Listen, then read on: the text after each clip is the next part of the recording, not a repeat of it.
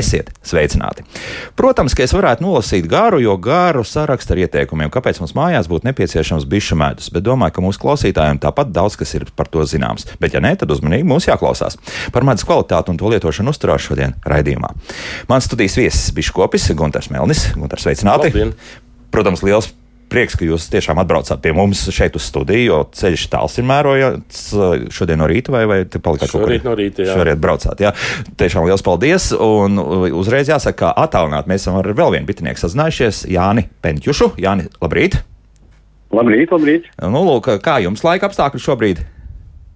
Uz vietas? Nu, saulīte parādījusies. Jā. Kas nenoliedzam priecē, lietas arī nolīd noteikti, jā? Nu, jā. Tādas lietas ir. Eh, man uzreiz nedaudz jāatvainojas mūsu radioklausītājiem, ja dzirdat šeit tādas sīkstoņi. Tās nav bites. Eh, mums te liela remonta darba šobrīd notiek, un līdz ar to varbūt tā, tā skaņas kvalitāte pa brīdim klibos. Bet nekas. Protams, jums jautāšu pirmkārt, nu kāda sezona ir bijusi šobrīd, Gunter? Nu, sezona jau nav beigusies, jā, protams, bet jā. principā sezona nav bijusi slikta. Sākums bija, protams, ļoti bēdīgs, jo maija mēnesis bija diezgan vēss. Un daba arī nedaudz iekavējās. Bitēm bija ļoti maz iespējas izlidot un kaut ko ievākt. Bet jūnijas un augusts kompensē to visu, un kopumā varētu vērtēt, ka gads nav bijis slikts. Tā kā bitēm, principā, nu, tas lielais karstums vai kā citādi īpaši neskādē. Nu, tas karstums, teiksim, otrādies lietus nebija. Jā, nu. Un bites varēja lidot. Tad, kad ir lietus, varbūt arī tas laika apstākļi ir labāki un ziedi zied, bet bites jau netiek ārā mhm. tajā lietus laikā. Un tā kā šobrīd to lietaino dienu bija salīdzinoši maz, tad viņas maksimāli uzturējās augos. Un varēja arī kaut ko savākt. Jā, jā. Jāni, piebildīsiet par šo kaut ko vēl? Nu jā, šogad uh, bija ļoti nabadzīgi līdz līgo karstumam. Tas ir nu, galīgs tukšums bija rokas, un tad notika sprādziens, un tad pāris nedēļu laikā viss bija pieliekts par medu. Atgriežas viss savās vietās. Tas izpildījums medus arī ļoti daudz nāca. Mm -hmm. Vai kaut kādas, nezinu, atkal jaunas slimības parādījušās, vai tu viss apmēram ir jau zināms, un visi labie ienaidnieki bitēm ir apzināti un ar tiem var cīnīties? Nu, mums jau pietiek ar tiem, jau, kas ir. Jaunus mums nekādus vairāk nevajag. Jā. Jo pietiekami mums ir darba ar šīm esošajām jau visām slimībām. Un, diemžēl viņas joprojām ir sastopamas un, un nepārtraukti liek par sevi atgādināt. Mums ir daudz darba, lai bitēm puslīdz to veterināro stāvokli savestu kārtībā. Mm -hmm. Bet nu, tā teikt, ka kaut kāda katastrofa kaut kur tuvojas, ka kaut kur dzirdēts citur pasaulē, pēkšņi uznāk kaut kāds nezinu, kaitēklis, kas, kas, kas sāk uh, apdraudēt bites, izēst stropus un tā tālāk. Šobrīd nav, nav tik traki. Viņi ir pa perifēriju visu laiku kaut kur siltākās zemēs, un mēs uh, arī tiekam informēti par to, kas ar mūsu kolēģiem notiek citās eh, valstīs. Un mēs ceram, ka sa saistībā tomēr ar mūsu ziemu un mūsu klimatiskajiem apstākļiem šiem potenciālajiem kaitēkļiem tomēr pie mums īsti tā kā ne, neiepatiksies, mm -hmm. un mhm. viņi neiedzīvosies. Tur kādas inovatīvās lietas neparādīsies. Jā, jā tā ir mazā stropu vabolīte, tas ir īrsis, Āzijas un vēl daži kaitēkļi, kas eh, nu, Pagaidām pie mums vēl īsti tā kā nav, bet potenciāli viņi varētu būt arī šeit. Bet būsiet gatavi, tad ceru, jā. Nu. Nu, būsim optimisti un cerēsim, ka viņi tomēr nebūs. nebūs nu, tomēr, tagad pie medus. Kā novērtēt medus kvalitāti? Jo tie ieteikumi ir visdažādākie, un nu, tur, tur var viegli apmaldīties. Nu, jūs skatu punktu, kā to jādara. Nu, tu domā, tad, kad eh, cilvēks pērk, iegādājās medus? Jā, nu, jau, jau tajā brīdī. Jā. Nu, Droši vien, ka uh, vispareizākais būtu mm, medus kvalitāti noteikt organoleptiski. Tas nozīmē, ka medu vajadzētu izvēlēties viennozīmīgi tādās vietās, kur mēs viņu varam pagaršot, kur mēs viņu varam sasmaržot. Un organisms pats pateiks, vai šis medus ir tas īstais vai nē. Tas nenozīmē, ka biškopim nevarētu būt dažādi, vairāki veidi šī medus, bet pie pirkšanas procesa katram vajadzētu izvēlēties. Jo bieži vien ģimenē arī mm, katram teiksim, tēvam, mātei un bērnam garšo atšķirīgi medi. Mm -hmm. Gan pēc uh, vizuāla izskata, gan pēc smaržas, gan pēc garšas. Tas nozīmē, ka mēs īstenībā kā veikalā aiziet un nopirkt priekš sevis garšīgo medu nevarēsim. Tātad, ja vienkārši skaisti burciņi tur stāv un pēc krāsas tā mēs nevadīsimies. Nē, ja? mēs noteikti varam arī kļūdīties. Var paveikties, bet uh, principā vislabāk ir uzticēties savam organismam. Tā tad ir jābūt kaut kādai iespējai šo medu uh, pārbaudīt ar smaržu, ar garšu, nogaršot un saprast. Mm -hmm. Jā, nē, piebildīsit kaut ko? Mm. Jā, es, protams, piebildīšu, ja mums katram bērnības, bērnībā veidojas garšas izjūta, tā teikt, nu, visas formējas tā imprints notiek. Un mūsdienu paudze, jaunā paudze vairs īstos dabas produktus vairs gandrīz ne, neatpazīst. Es atceros bērnībā, kad dzīvoju dziļos laukos, Tevis neseno ļāvām kameņu medu. Tas ir kamenis ļoti mazs, un es medu kopā ar ziedputekšņiem, bet man toreiz bērnībā noformējās par garšas sajūtu, es to vēl atceros tagad.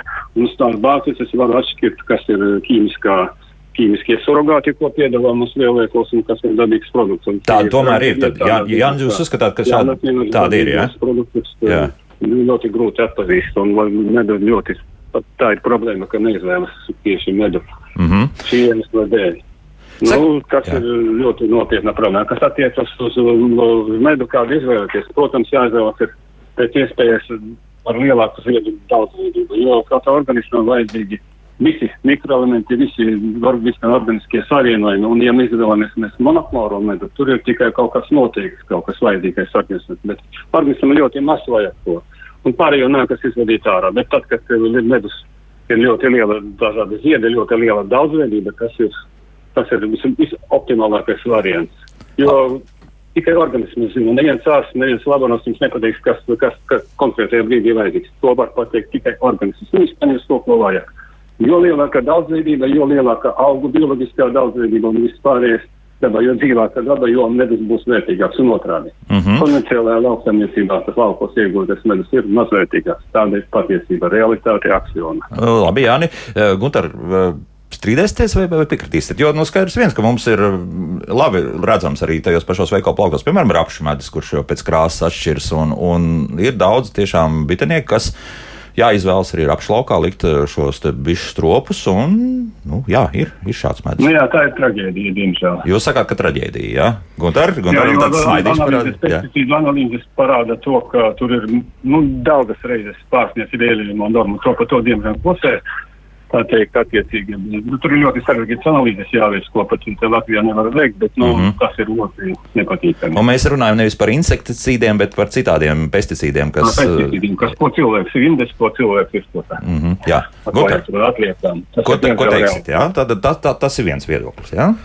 Nu, attiecībā uz mono, par dažādu ziedu medu es mm -hmm. piekrītu, bet attiecībā par monofloru medu šeit tomēr ir šīs tradīcijas. Nu, mēs visi labi zinām virsmu medus, kas ir ļoti unikāls un mums patīk tā garša, un mēs noteikti izvēlēsimies, jo Tur pie virsiem nekas nebūs, jo cits nekas vairāk nezied, un mēs dabūsim tīru virsmu medu. Mums nāk līdzi stereotipi par liepu medu. Mēs zinām, ka Jā. viņš ir veselīgs un viņu vajag, tātad mēs meklējam liepu medu. Attiecībā uz rapšu medu ļoti mm, rapšu medus patīk bērniem. Jo rapšu medus nav uzbāzīgs ar savu garšu, viņš ir gaišs viņš ir neitrāls bērniem tas patīk. Viņiem nepatīk, ka kaut kas uzmācās tā kā vecāki tur ar saviem noteikumiem. Tad rapša medus ir tieši tāds, kā eh, bērniem un eh, skolās, tā, kad mēs nesam degustācijas, tad bērni vienmēr saka, ka tas ir labākais, tas ir garš, garšīgākais. Ir pēc garšas īpašībām, vai tas, ka drusku citādākā krāsā, vai tas ir nu, nu, teiksim, citādākā krāsā? Krāsa vēl? viņam pat nav tāda īpaši pievilcīga. Viņš Jā. ir viegli, viegli dzeltenā krāsā, bet arī kā eksporta prece rapša medus mums ir topā. Un tas ir viens no eksportētākajiem mediem. Mm -hmm. Tā tad uh, viņi nevar tā noniecināt. Protams, es piekrītu, ja mēs uh, runājam par savu organismu, par tām vielām, kas mums ir nepieciešams, tad uh, ir šī daudzveidība, dažādu ziedu medus. Bet ar konkrētu kaut kādu medu mēs arī varam panākt efektu. Piemēram, grīķu medus, viņš ir ļoti spēcīgs medus attiecībā uz mūsu gremošanas sistēmu. Teiksim, to pašu skābes samazināšanu un visu, ko šādā veidā mēs varam strādāt ne tikai ar medu, bet arī ar ziedputekšņiem. Jo ziedputekšņos jau ir tās pašas īpašības, ko arī augos tējas mēs vācam dažādas mm -hmm. un izmantojam dažādām vajadzībām. Tieši to pašu mēs varam izdarīt arī ar ziedputekšņiem.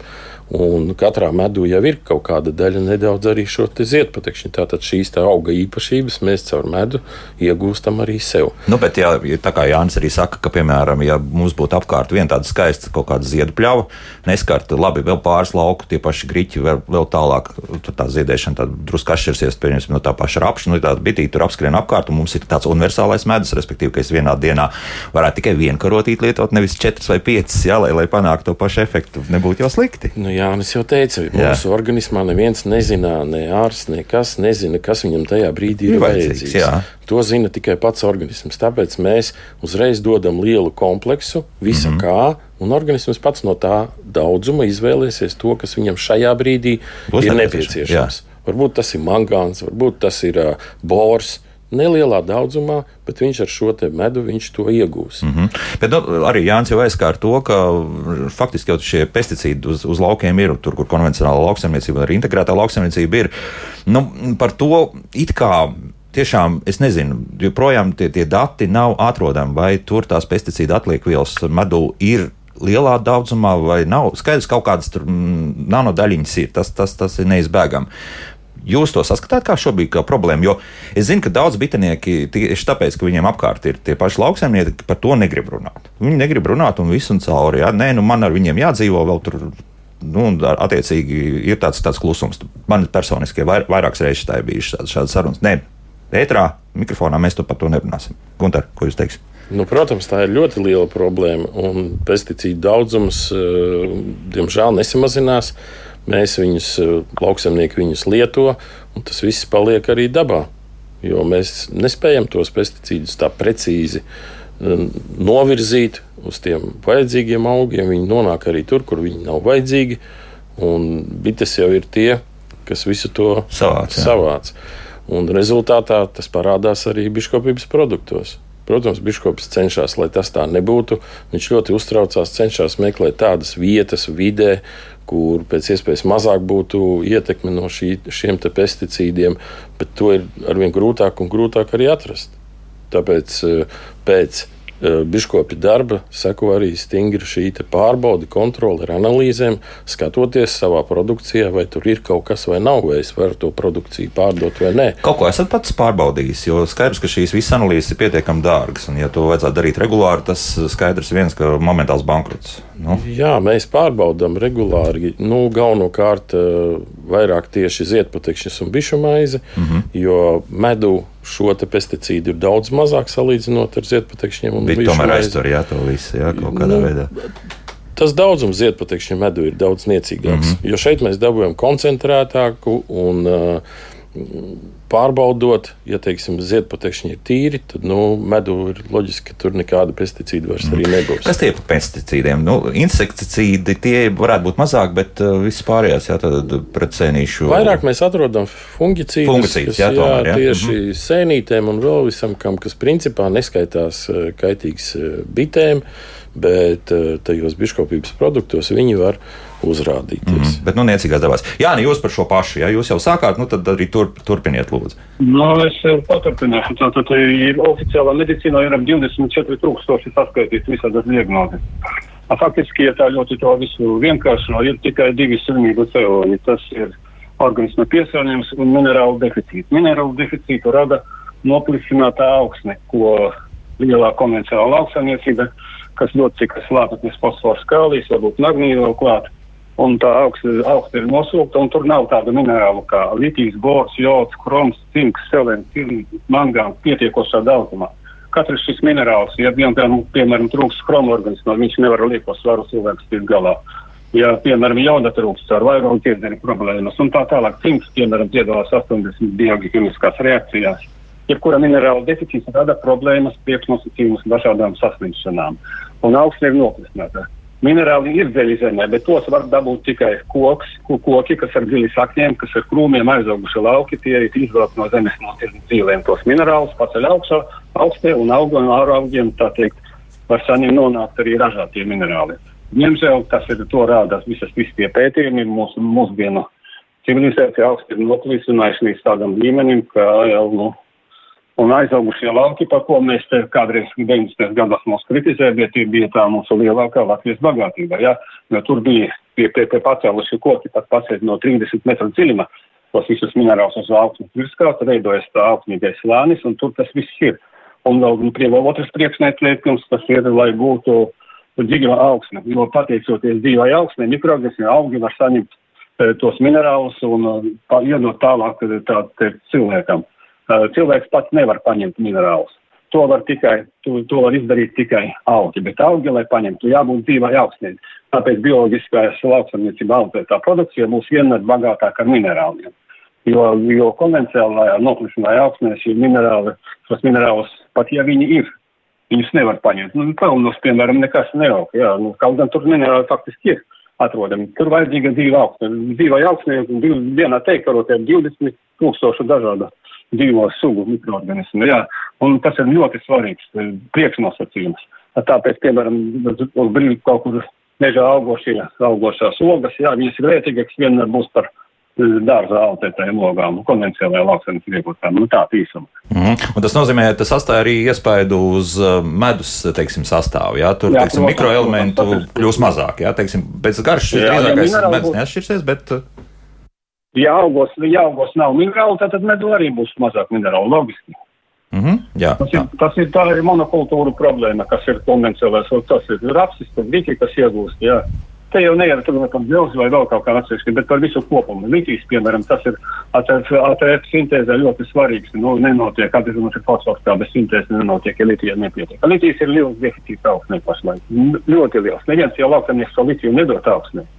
Jā, nu, litīs ir šur tur citur nepieciešams vairāk, jā. tā tas ir, jā.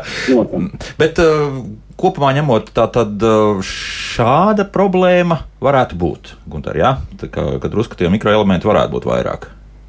Nu jā, medu jau, mm, teiksim, zinātnieki no ļoti kvalitatīva medus ir uh, atraduši, atklājuši tajā vairāk kā 400 dažādas vielas, mm -hmm. 436 ja šis medus ir ievākts no kaut kādām monokultūrām vai slikt, sliktākos uh, apstākļos augušiem augiem, tad mēs varam savākt 250, 300 šīs vielas tajā jā. medū. Līdz ar to dažādas mikroelementus. Ja? Mhm. Dažādus mēs līdz ar to nevaram teikt, ka teiksim, tas ir piesātināts medus. Un, uh, teiksim, intensīvi ražojot no tiem pašām monokultūrām, tas pats rapsis pieminētais, noteikti viņā tik daudz šo te dažādo vielu arī nebūs. Kaut gan eh, man uzreiz jāsaka, ka kāds pētījums Latvijā parādīja, ka diemžēl arī bioloģiskiem lauksaimniekiem ar tiem mikroelementiem šobrīd augsnē ir pat lielāks, daudz problēmas nekā, nekā konvencionāliem. Tāpēc, ka konvencionāli tomēr drīkst arī šos pašus minerālu mēslus likt virsū, un līdz ar to daudz, eh, teiksim, tā vajadzīgās barības zemē iepat pat varbūt var, varētu būt vairāk. Tas ir tiešām Latvijas reāls piemērs, ja tas, tas nav nekas izdomāts. Um, Anī mums jautā mājaslapā, lūdzu, paraksturojiet, vai Latvijas medus ar kaut ko atšķiras no, piemēram, kalnos ievākta medus uh, dienvidu zemēs uh, savāktais. Kā atšķiras pēc reģioniem? Tā? Nu, ļoti atšķirās, jo augi arī atšķirās. Un, uh, tas ir galvenais no kādiem augiem mēs viņus ievācam. Eh, kalnos aug citādi augi, un uz dienvidiem arī eh, šī bioloģiskā aktivitāte medum ir zemāka nekā uz ziemeļiem. Ja mēs eh, runājam par bioloģisku aktivitāti, tad mēs pa platumu grādiem varam salikt, ka teiksim, Arktikas medū, Grenlandē ir visaugstākā bioloģiskā aktivitāte, jo ziedi zied ļoti īsu laiku, un viņi maksimāli dod no sevis visu, ko tik var, jo viņam tas ir būtiski svarīgi. Izdzīvošanas jautājums. Mēneša jā. laikā viņam ir jādabūt tos ziedputekšņus un jāputeksnējās, savādāk iznīks visa viņa suga. Jā. Tāpēc viņi maksimāli strādā. Dienvidos ir pilnīgi savādāk. Tur ir uh, ilgs šis vegetācijas periods. Viņi ir slinki, viņi tur nesasteidzās. Ja šodien tur nesanāks, rītā var būt.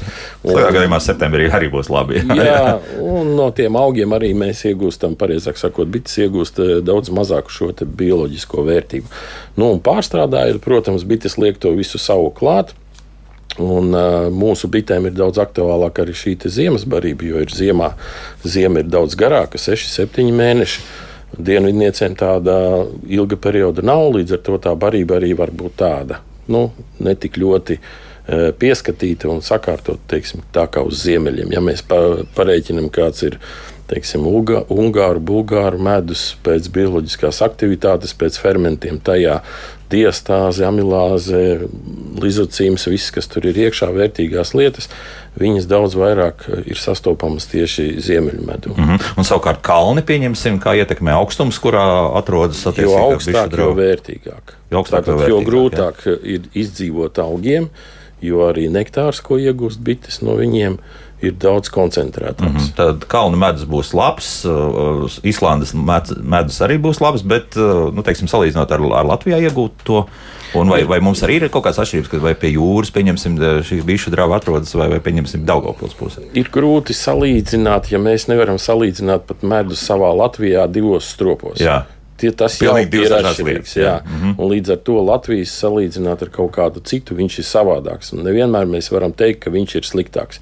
Iespējams, ka slikti sagatavots Latvijas medus varētu būt sliktāks nekā dienvidos augstvērtīgi tur kalnos kaut kur ievākts no kaut vai tiem pašiem virsiem. Un, ja jūs teicāt, ka gada nu, sezonas sākums bija kā bija, tas nozīmē, ka arī tas nāca par labu medus kvalitātei pēc būtības. Jā, ja? Jā, jūs arī tā uzskatāt? Es piebildīšu par kalnu medu. Ja? Jā. Kalnos, ja mums šeit Latvijā tos minerālus paceļ no augstnes koki, veido augstīgo slāni, tā kalnos tādu koku tur nav, tur ir, tur ir notiek iežu sairšana, nu, atmosfēras iespējā, gan lietus, gan saules, un tie minerāli ar lietu nonāk kalnu auglīgās ielējās, un tas veido to auglīgo slāni. Nu, tas ir, kur ilgdzīvotāji tie slāņi dzīvo, ja? Mm -hmm. Tur ir tāds mehānisms. Tā kā medus attiecīgi atspoguļo arī to, to kas notiek tajā apvidū. Jā, ļoti iespējams, ļoti iespējams. Tā, nu, viens, es nezinu, vai tā, tas ir mīts vai realitāte. Nu, šobrīd, eh, cik tās mums iepriekšējās sarunas ir bijušas, liekas, ka tas tomēr mīts, bet eh, gaidas mums jautā šādi, kā var atšķirt medu, kur ir ar cukuru un kurš nav. Citi bitnieki baro bits ar cukuru, lai būtu vairāk medus. Nu, tad tagad būs jāizstāsta, kā tad ir patiesībā, vai, vai tādas lietas notiek, vai, vai tieši otrādi. Tas nu, viss ir. Attiecībā uz to mm, biškopju barošanu šobrīd uh, mēs mainām medu pret cukuru, mm -hmm. sīrupu rudenī, tad, kad gatavojam. Un tam ir viens uh, tāds pamatots iemesls, jo mm, medus, ko savāc bites, nevienmēr ir priekš viņas zīmošanas pieņemams un kvalitatīvs. Ir izsvīdumu medus, lapu medus, uh, Eh, tumšais meža medus, kurā ir ļoti daudz minerālu vielu, kas ir ļoti vērtīgs cilvēkam, bet bitēm šīs dekstrīna vielas, kas tur ir iekšā, viņas nav fermentējamas, viņas nav pārstrādājamas. Līdz ar to viņas ļoti slikti atsaucās uz bišu ziemošanu. Tāpēc mēs mēģinam uh, samainīt šo tumšo medu pret cukuru sīrupu. Saharoze tas ir uh, nektāra sastāvs, tātad bitēm tas ir pieņemams, un viņas ļoti labi ziemo šīs barības. Tāpēc mēs to visu ie, ie, iemainām. Noteikti, eh, vai tas ir eh, mm, cukurs sīrups ar medu sajaukts. Pirmais jau pēc garšas mēs varam, jo mēs ļoti labi zinām, kā garšo cukurs. Mēs dzeram tur ar tēju, ar kafiju, un viņu var sagaršot arī medu, ja viņš tur ir. Bet tāda praktiska, speciāla mm, cukursīrupa maisīšana medū Latvijā praktiski nenotiek. Praktiski nenotiek. Nu, tas, tas praktiski nenotiek. Tā izklausās aizdomīgi. Tad tomēr varētu būt, ka kāds to mēģina darīt. Nu, te ir lieli uzņēmumi, kas ir ieinteresēti lielos apjomos, lielos daudzumos par lētu naudu eksportēt kaut kur uz kaut kurieni, kaut kādus biškopības produktus. Aha. Piemēram, no Ķīnas ļoti labi lētus produktus var sataisīt un eksportēt uz uh, visām pasaules valstīm. Un tur iespējams, ka tas cukurs ir jaukts klāt. Jā? Nu, viņi visas tās uh, prasības minimālās, kas mums Izpildē. ir no pārtikas, viņi minimālā līmenī arī izpildīja. Tas nozīmē, tā, ja mēs redzam medus koku kaut kur kādā konditorijā, tad es atkal saku, ļoti nevis ļoti, bet iespējams, ka tieši šāds medus tur ir izmantots. Jā, nu, kā kūks ražošanā. Jo, jā, tas jā? ir tehniskais medus, jo jā. pie termiskās apstrādes tāpat tā visa vērtība un kvalitāte Pazūd, zudumā un samazināt kūkas pašizmaksu pašu par sevi, lai gan tur jau tas medus arī ļoti minimāli tiek mm -hmm. likts, var tieši pērkot eh, šo ļoti zemes kvalitātes arī izstrādāt. Jo es lasīju vienu rakstu, un tam ir diezgan liela ticamība, ka konditorijā vispār kopumā izmantot cukuru vietā medu ir izdevīgāk. Pat izrādās, jā, tāpēc nu, ir izdevīgāk. Nu, tur ir cita kulinārā jā. tā viltība, teiksim, ja mēs uh, ņemam uh, dažus konditorijas izstrādājumus. Eh, medus ir nepieciešams, lai saglabātu ilgāk viņa mīkstumu un svaigumu. -hmm. Paņemsim kaut vai tie paši prāņiki. Eh, Jā. Ja viņā nav iekšā medus, viņš pēc laika paliek tik ciets, ka bez mērcēšanas viņa apēst nevar. nevar. Ja viņā ir iekšā medus, kas ir eh, sākotnējā recepte, tad viņš ļoti ilgi var saglabāties un mīksts, kuru mēs varam sakost. Redz, kā. Jā, Jāni, piebildīsi tev par šo Jā, es piebildu, jo aktuāla tā ir ļoti aktuāla problēma, jo ķīnieši, piemēram, iemācīsies medūzu mākslīgo taisīt tādā kvalitātē, ka vairs ar klasiskajām analīzēm vairs to nevar atšķirt no īstā. Oh, oh. Jā, pat viņi pat zieputekšus, tā teikt, samaļ no tā reģiona, kur eksportē, samaļ tik sīki un pievieno, ka par, par analīzēm, nu, mūsu, mūsu bioklasiskajām analīzēm to atšķirt nevar, tur speciāli analīzēm to jādara.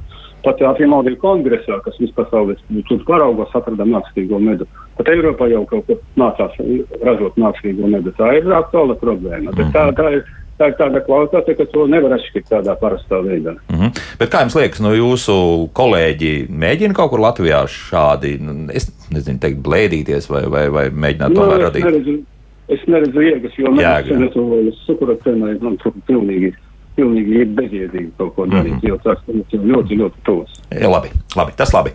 Laiks mūzikai pēc mūzikas turpināsim un sazvanīsimies. Mēs, starp citu, arī ir medicīnas zinātņu doktors, certificēta dietoloģija profesoru Lailu Mēju, kur mums tad izstāstīs nu, par to medus lietošanu uzturā, jo tas arī tomēr ir svarīgi, kā tad pareizi lietot, jo ir tādi jautājumi mums mājaslapā ir gan daudz šobrīd, un ēters uh, mums ir pie plēvēts arī telefonu zvaniem, kur, protams, turpiniet mums zvanīt, bet tas pēc mūzikas. Kā labāk dzīvot? Jo mēs turpinām runāt par medu, medus kvalitāti un arī to lietošanu uzturā. Esam nonākuši līdz šai sadaļai. Šeit studijā Biškops Gunārs Mēlnis attālināti ar kopā ar mums ir bitenieks Jānis Penķušs. Un vēl attālināti esam sazinājušies ar medicīnas zinātņu doktoru certificētu dietoloģi, profesori Lailu Mēju. Profesori, labrīt! labrīt. Labrīt! Nu tā, esam nonākuši tiešām līdz šai sadaļai um, - medus lietošana uzturā. Nu, ir dažādi viedokļi. Vieni saka, ka pārāk pārspīlēt nevajadzētu, citi saka, nu, nekas jums traks nenotiks, pāris karotītes dienā noteikti un uh, dzīvosit laimīgi. Profesor, kā tur īsti ir? Jā. Uh, jā, labrīt vēlreiz. Vispirms es gribēju piebilst uh, pie iepriekšēji teiktā par to, ka organisms jau pats jūt, kas viņam labāk. Protams, ka garšai ir ārkārtīgi liela nozīme un katram ir individuāli šīs izjūtas, bet es bieži saku, cits jūt, ka viņam šņābi vajag katru dienu. Ja, tā kā e, tās arī tās ļoti e, nelabvēlīgās vielas, kā piemēram pesticīds, mēs jau nevaram just. Tā kā tur būtu jābūt tādiem objektīviem e, medus novērtēšanas kvalitātes kritērijiem. Nu, protams, jā, bet, bet uzreiz jāsaka, ka, jā, ka, ka mūsu medus ir salīdzinoši tīrs, jā, nu tur par to, par to gan nu, jā. nav īpaši šaubu, jā. Nu, tā, jā, tā vienkārši piebilda. Tad par to, par medus ietekmi uz veselību. Es atvainojos, jūs man varētu pārzvanīt, man kaut kā ļoti balss skan, atskan. Atskan, jā. Miklīt, jā, profesor, labi, to, jā, jā, to, to mēs tūlīt izdarīsim jā, jā, un jā, turpināsim jā, šeit jā. sarunu. Tad uh, uzdošu uzreiz pāris jautājumu, kas mājaslapā ir, um, nu, piemēram, uh, Griķu medus ir ar interesantu garšu, tāpēc tas tik ātri neizēdz. Ilgāk aizkavējas burciņā, novēroja, ka šis medus ir noslāņojies apakšā biezāks, virspusē šķidrāks un tumšāks, nav sacukrojies. Kāpēc medus noslāņojas? Vai tas ir labi? Gunter. Tas ir dabiski. Jo mm, mēs jau visu laiku runājam, ka medū ir ļoti daudz dažādas vielas. Katrai vielai ir sava mola masa, savs svars. Viņas arī uh, attiecīgi tajā medus tilpumā, kāds mums ir, nosēžās, mm -hmm. noslāņojās. Uh, šīs vielas ir eh, ar dažādu svaru. Eh, rezultātā, ja medus netiek kustināts, pāris mēnešu laikā veidojās biezākais, blīvākais slānis zemāk apakšā un šķidrākais veidojās virsū mhm. -huh. pats par sevi. Eh, vēl ļoti liela nozīme ir glabāšanai, kāds ir relatīvais mitrums telpā, kurā mēs viņu glabājam, jo caur teiksim, vāciņiem, caur plasmasas traukiem mitrums eh, spēja nokļūt iekšā šajā traukā. ja mēs taisām vaļā, taisām ciet šo vāciņu, mēs jau to relatīvo mitrumu arī ieliekam tajā burciņā Jā. iekšā. Un veidojās palielināts, jo medū viņš jābūt nu, normāli 17, 18% mitrums. Telpā, kurā mēs atrodamies, 70, 80%. Līdz ar to mēs to mitro gan būs mazāk, jā. paliekam apakšā zem, un tad jau viņš to virsējo slāni arī šķīdina. Viņš paliek šķidrāks. Tas nozīmē, ka mēs pārāk ilgi neesam medvēduši. Tas ir ja, tātad diezgan ātri, līdz ko mēs esam atvēruši vaļā. Tad, nu, salīdzinoši ātri mēs to visu arī lietojam. Jā, tā ir regulāri. Regula, regulāri, jā, regulāri. Tā, profesori, vai šobrīd ir labāk? Jā. Ir labāk, jā? Ceru, jā. Ir labāk, jā? jā? jā. Nu, lūk, nu tad, tad par Tātad, to daudzumu. jā, par veselību. Par veselību, jā. Tātad, protams, daļai dzirdēju iepriekšējo sarunu, medu ir ļoti daudz bioloģiski aktīvu vielu un daudz vērtīgu vielu. Tās ir tiešām gan minerāli, gan antioksidanti un ļoti daudzas veselību potenciāli uzlabojošas vielas.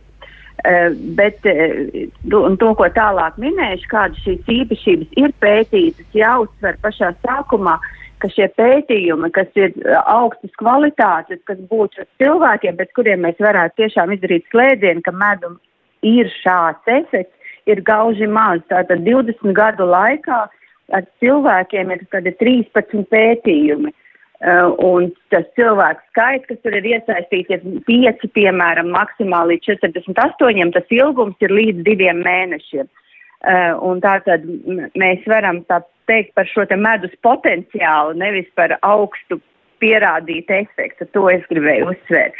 Bet tātad kādi ir šie virzieni, kā medus ir pētīts, tiešām šīs medus vielas, tad uh, medus, teiksim, burkā šīs te atsevišķi iedarbības šūnām un visvairāk pētījumi ar dzīvniekiem un šie daži pētījumi ar cilvēkiem. Tātad, kas ir pats interesantākais, medus, protams, satur kalorijas un cukurus, bet viens no tām pētījuma laukiem ir pret aptaukošanos un aptaukošanu saistītām slimībām, tāda kā holesterīna paaugstināšanos, lai uzlabotu jūtību pret insulīnu, antioksidatīvās īpašības un arī uz asinsvadu sieniņu uzlabojošām īpašībām, kas ir viss skarts tieši slimībās, cukura diabetes, ir asinsvads slimības un aptaugošanās. Un šeit tie norādījumi ir par šo te iespējamu pozitīvo efektu. Kas ir tas pats um, svarīgākais, par ko mēs, man ārsti vismaz vispirms domā, domājot par medu, tas ir ietekme uz cukuru, cukura šiem te regulācijas, kompensācijas rādītājiem, cukura diabēta pacientiem, jo tādu tiešām ir ārkārtīgi daudz. Un kaut arī tiešām tā profilaktiski tā ideja ir, ka medus varētu aizsargāt no cukura diabēta attīstības, tad tomēr tiem cilvēkiem, kuriem jau ir cukura diabēts, šie dati rāda, ka ir ļoti jāuzmanās, jo medus var negatīvi ietekmēt šos cukura diabēta rādītājus. Gan cukura līmeni, gan šo ilgstošos kompensācijas rādītājs. Neskatoties uz to, ko vienmēr arī šie medinieki saka, ka ir zemes glikēmiskais indeks, tātad, ka cukurs līmenis paaugstinās lēnāk kā pēc um, citi, nu, citu cukuru saturošiem produktiem. Tātad šiem cilvēkiem tomēr ir jā, jā, jā, jābūt ļoti piesardzīgiem. Medus vai nav jālieto vai jālieto nelielos daudz. Mm -hmm. Pavisam aizliegt nē, pavisam aizliegt nē, jā? Ja? Tas, tas, tas nu, pavisam jā, mēs, mm -hmm. protams, neaizliecam tā, ko es aizliedzu, tā ir kola vai kaut tam līdzīgi, piemēram, dzērienu medus ir dabīga viela un nelielos daudzumos, protams, ir šie ieguvumi. Un tad vienkārši daudz minējuši tos dažus interesantus vēl tos virzienus, kur ir pētīts. Tātad ir pētīts iedarbību šīm nervu šūnām, kā nervu sistēmas aizsardzība, tieši centrālās nervu sistēmas, tātad arī kā antidepresants un ka pasargā no tām novecošanās izmaiņām varētu pasargāt šeit jānosaka skaidri, kas smadzenēs veidojās. Un tad ir arī šī tātad probiotiska, kas satur gan labās baktērijas, gan arī vielas, kas veicina labo baktēriju uh, savairošanos zarnu traktā, kas, kam nozīme ir atkal ir ļoti daudzās pasargāt no ļoti daudzām slimībām. Un arī vēl ir tāds, jā, kā brūču dzīšanā ir tāds, ka pētīts kā lokāli šie medus arī ir veicinājuši atjaunošanos un pretmikrobu darbību, bet, protams, pašiem savu galvu to noteikti nevajadzētu darīt. Tātad tas ir iesmērēt ar medu brūci, es saprotu, jā? Nu, tur ir tikai šis, te, jā, bet nu, es to nekādā veidā nerekomendēšu. Tur ir šādi pētījumi, Nu, tur drošības pēc, jā. medus uzlabo, jā. Tas ir, jo brūces ir ļoti plašs jēdziens, brūces var būt ārkārtīgi dažādas, kur ko drīkst smērēt un kur ko noteikti nedrīkst. Tas ir vienkārši tas, kā medus arī pētīts, ka viņš varētu uzlabot šo te, jā, brūču dzīšanu. Jā, tieši, tieši ārēji. Mm -hmm. Jā. Tā, profesor, bet nu, tad tie daudzumi tomēr, ja? ko mēs, jo daudz jautājumu ir tieši par um, lietošanu ar tēju vai kafiju. Eh, pa- Protams, tas pirmais jautājums ir, vai mēs ieliekot tējā vai kafijā to medus karoti, medus labās īpašības eh, kaut kā tiek zaudētas. Tas ir pirmais jautājums. Un otrais, nu tad cik tad daudz dienā mēs varētu tā cilvēks, nu, rēķināsim ar kādiem nu, vīrietis, nu, pieņemsim, līdz, nu, starp 80 līdz 90 kg, dāma nu, mums būs no, no 50 līdz 60, nu, tad varētu lietot uh, cukuru vai šajā gadījumā medu. Jā. Jā, nu, minerālvielas, protams, neies eh, bojā vārošā ūdenī, bet, protams, šīs bioloģiski aktīvās vielas, ja polfenoli, viņi varētu mazināties. Tur ļoti skaidri to, to datu nav, es teiktu, nu nelikt pavisam vārošā, bet likt karstā ūdenī. Dēva nav noteikta. Te tiešām šīs te, tie, arī tie pētījumi ir bijuši un diskusijas, kas ir no 5 gramiem, kas ir pavisam nedaudz līdz pat 25 gramiem, kas ir diezgan daudz. Tas ir jāskatās tajā kopējā kontekstā, es teiktu. Nu, protams, viena, divas karotītes. eh, Dienā, jā, dienā. Varētu būt, jā, ka šis te ieguvums un ļoti maz kādu citu risku. Mm -hmm. Tā, tās varētu būt tās rekomendējamās devas, Jā. ko, ko organisms viegli pārstrādās un gūs uh, labumu un nekādas liktumu, ja tā var teikt. Ja? Šādi, jā, jā, protams, būtu arī katram jāskatās, tas arī ir individuāli, kā to medu lietot, vai uh, labi tukšā dušā, vai labāk ir ar ēdienu.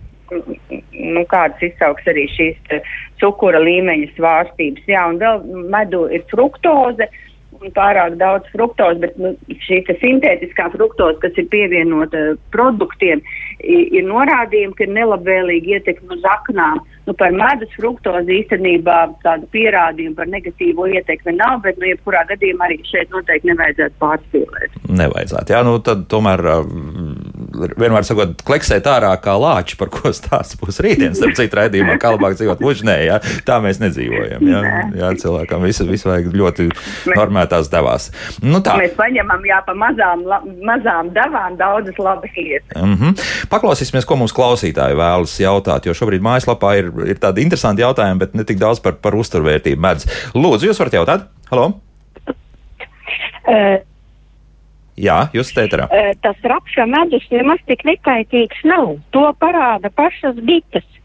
Ja piecrotiem vienā pusē ir rapša, tad viņi bites tā nelido uz tā laukiem, bet atgriežas uz upes un meklēšana, kur tie ediņi ir.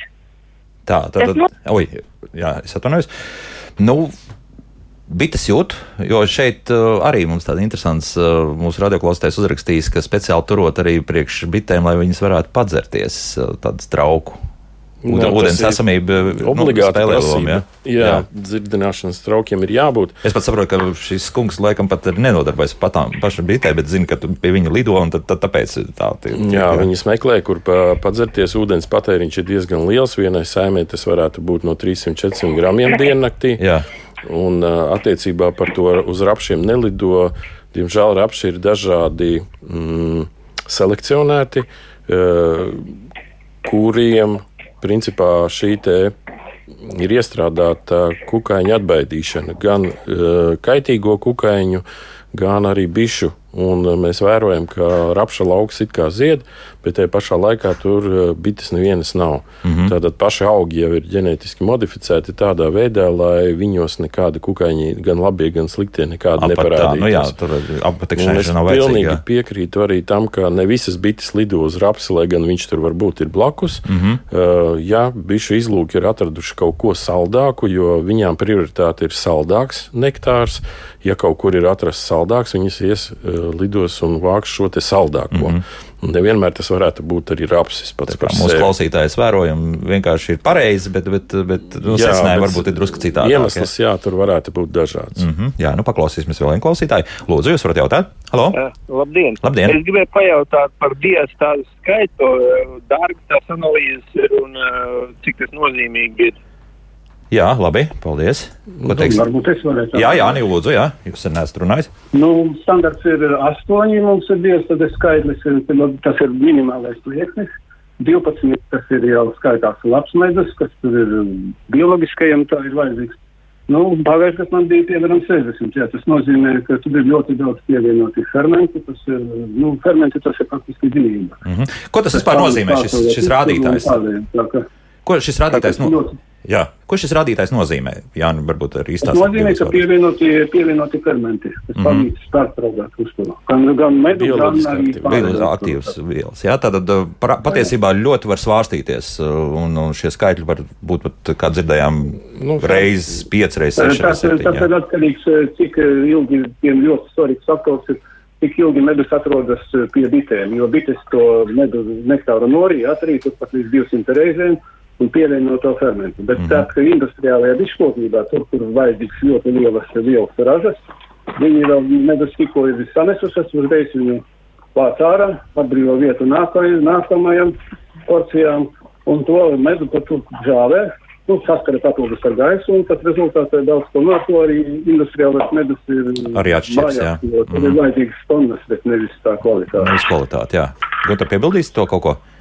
Nu, attiecībā uz dienas tās skaitli vienkārši ja šī te fermenta molekula ir pietiekami liela, lai laboratoriski viņi būtu viegli arī eh, Nosakām, ja? nosakāma. Jā, jo tur ir citi arī fermenti, tā pati amilāze un, un eh, bez diastāzes ir vēl citi, un iespējams nākotnē arī eh, varbūt diastāzi mums vairs nepārbaudīs, jo diastāze salīdzinoši ar citiem fermentiem ir stabilāka. Mm -hmm. Tas nozīmē, ka pie jebkādas sildīšanas vai termiskas apstrādes ir citi fermenti, kas ātrāk sadalās. Un viņu šī būtība, viņi tā kā labāk nosaka, vai ir kaut kas ar medu darīts. Tā, tas, Ā. ko nedrīkst. Tāpēc ir iespējams, eh, būs citi fermenti, ko mēs laboratoriski pārbaudīsim nākotnē, kas vēl precīzāk pateiks, vai mēs ar medu kaut kādas eh, darbības esam veikuši vai nē, attiecībā uz sildīšanu, uz šo bioloģisko aktivitāti, eh, vai mēs viņu esam pietiekami ļāvuši bitēm uzaudzēt eh, šo fermentu daudzumu tajā medū. Vai mēs viņu esam eh, ļoti agri noņēmuši, neesam nogatavinājuši līdz galam, un tas medus nav bioloģiski aktīvs. Nav bioloģiski aktīvs. Linda mums uzrakstīs praksē regulāri pārbaudīt sasitumam 5 minūšu laikā uzsmērēt medus kārtiņu, novērš zilumu veidošanos un pat pie kārtīga sasituma ievērojami pātrina asins izplūdumu uzsūkšanos. Profesori, dzirdējāt, jā? Tā kā tā šai mm, teorijai un arī faktiski pārbau- pārbaudītai lietai ir, ir arī zināms apstiprinājums. Bet, profesori, es par, arī par šīm bioloģiski aktīvajām vielām, kas, kas medus nenoliedzami ir, vai te mums kaut kādā veidā būtu jāuzmanās, vai mēs ar abām rokām esam par, ka tiešām tas šis rādītājs var aiziet līdz 50, 60 un vairāk? Kā jums liekas? Tā lūdzu vēl vienreiz. Nu, Tā tad, eh, Tātad bioloģiski tad medus, kuram varbūt šī, šī diastāze ir ļoti augstvērtīga, ja? vai mums varbūt pat jāuzmanās no tā, ka, ka par daudz būs tā labuma? Vai, vai, vai organisms principā patērēs šo medu un, un viss būs kārtībā, nekas traks nu ar mums nenotiks? Nu, Es domāju, ja nepārspīlē ar šo patēriņu, tur nekas nenotiks, jo organismā pašā ir daudz pašregulējošas sistēmas. Nu, tad eh, ne, ne viss, kas tiek uzņemts, mums uzsūcās. Tas arī organisms pats ļoti daudz, nu, nu, ko iepriekš kungi daļai minēja, bet, protams, mums ir arī pašiem savas fermentu sistēmas, kas strādā. Un uh, arī šī uh, uzsūkšanās tiek uh, ievērojami regulētā. Visiem nav vienādi. Varbūt kādiem īpaši cilvēkiem, kas ir imūni jūtīgi, būtu jāpārdomā par medus lietošanu pārāk lielos daudzumos. teiksim Tā, mm. -hmm. Tas būtu jāpārdomā. Jā, Tas tomēr ir, jā, tad vid- vidējam, vidējam cilvēkam, jā, ar nelielu lietošanu. Tur, Nekādas tā problēmas nevajadzētu būt. Ja? Tā, viens jautājums, kurš ir gandrīz mūžīgs. Mm, Mūsu radioklausītāja Ilza jautā, ko darīt, ja medus sacukrojas. Nu, pirmkārt, nesacukrojas, bet kristalizējas. Ja? Kristalizējas. kristalizējas ja? Vai sildot, tas nezaudē savu uzturvērtību? Nu, vajadzētu būt iemeslam, kāpēc mums viņu vajag uh, sildīt, kāpēc mēs vēlamies uh, viņu to kristālu izjaukt. Ja mēs lietojam mājās, un viņš ir sakristalizējies ļoti brīnišķīgi, mēs viņu varam ēst. Mm -hmm. Tas nozīmē, ka nu, principā jau no dabas ir, ka divu, trīs mēnešu laikā medam vajadzētu sakristalizēties pašam par sevi. Jā.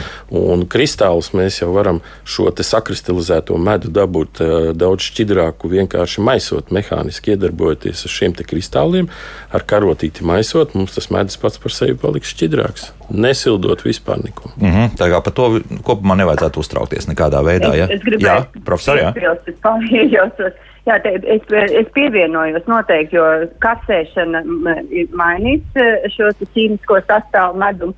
Un tās, kas mums ir klasiskās, varbūt Ziemassvētku, nu, tas gan nav ļoti bieži piparkūks, piemēram, kur ir augstas temperatūras, ļoti augstas temperatūras. Tur, protams, ne tikai medus, bet tur šīs ir veidojas vielas, kas ir nelabvēlīgas, kas ir kaitīgas. Nu, tas ir reizi gadā mēs to medu cepam, tas te kas, jā, bet ja regulāri kur ir, nu, ko arī grilējumos izmanto, piemēram, gaļu apstrādā ar medu un tad cep augstā temperatūrā, tad, tad medus noteikti vairs nebūs veselīgs. Mm -hmm. Jānim, es uh, pajautāšu gaida jautājumu. Tad sanāk, ja jo tumšāks medus, jo vairāk minerālu vielu, tā tas ir? Jā, protams. Mm -hmm. Protams, protams, tas ir radījums rādītājiem. Jā. Tā. Tad... Kontekstā ar medu veselību, jā, par medu, jā, varbūt es tādu nelielu fragmentu izlasīšu no savas internetu vietnes. Jā. Medus ir absolūti sterila dabas veidota konstrukcija. Apskatot to tumšā lauka mikroskopā vairāk nekā tūkstošu reižu palielinājumu, jūs neieraudzīsiet nevienu mikrobu, baktēriju vai sēnīti. Galvenās medus sastāvdaļas veido neitrālu vidi, ne skābu, ne sārmenu. Taču medu ietilpstošās skābes skābiņskābe, ābolskābe un citas rada skābu vidi. Tādā veidā vēl vairāk pastiprina medus antibakteriālas īpašības. Pateicoties skābajai videi, barības vielu molekulu kustība notiek pēc pH gradienta. Tas ir no skābās vides uz sārmaino.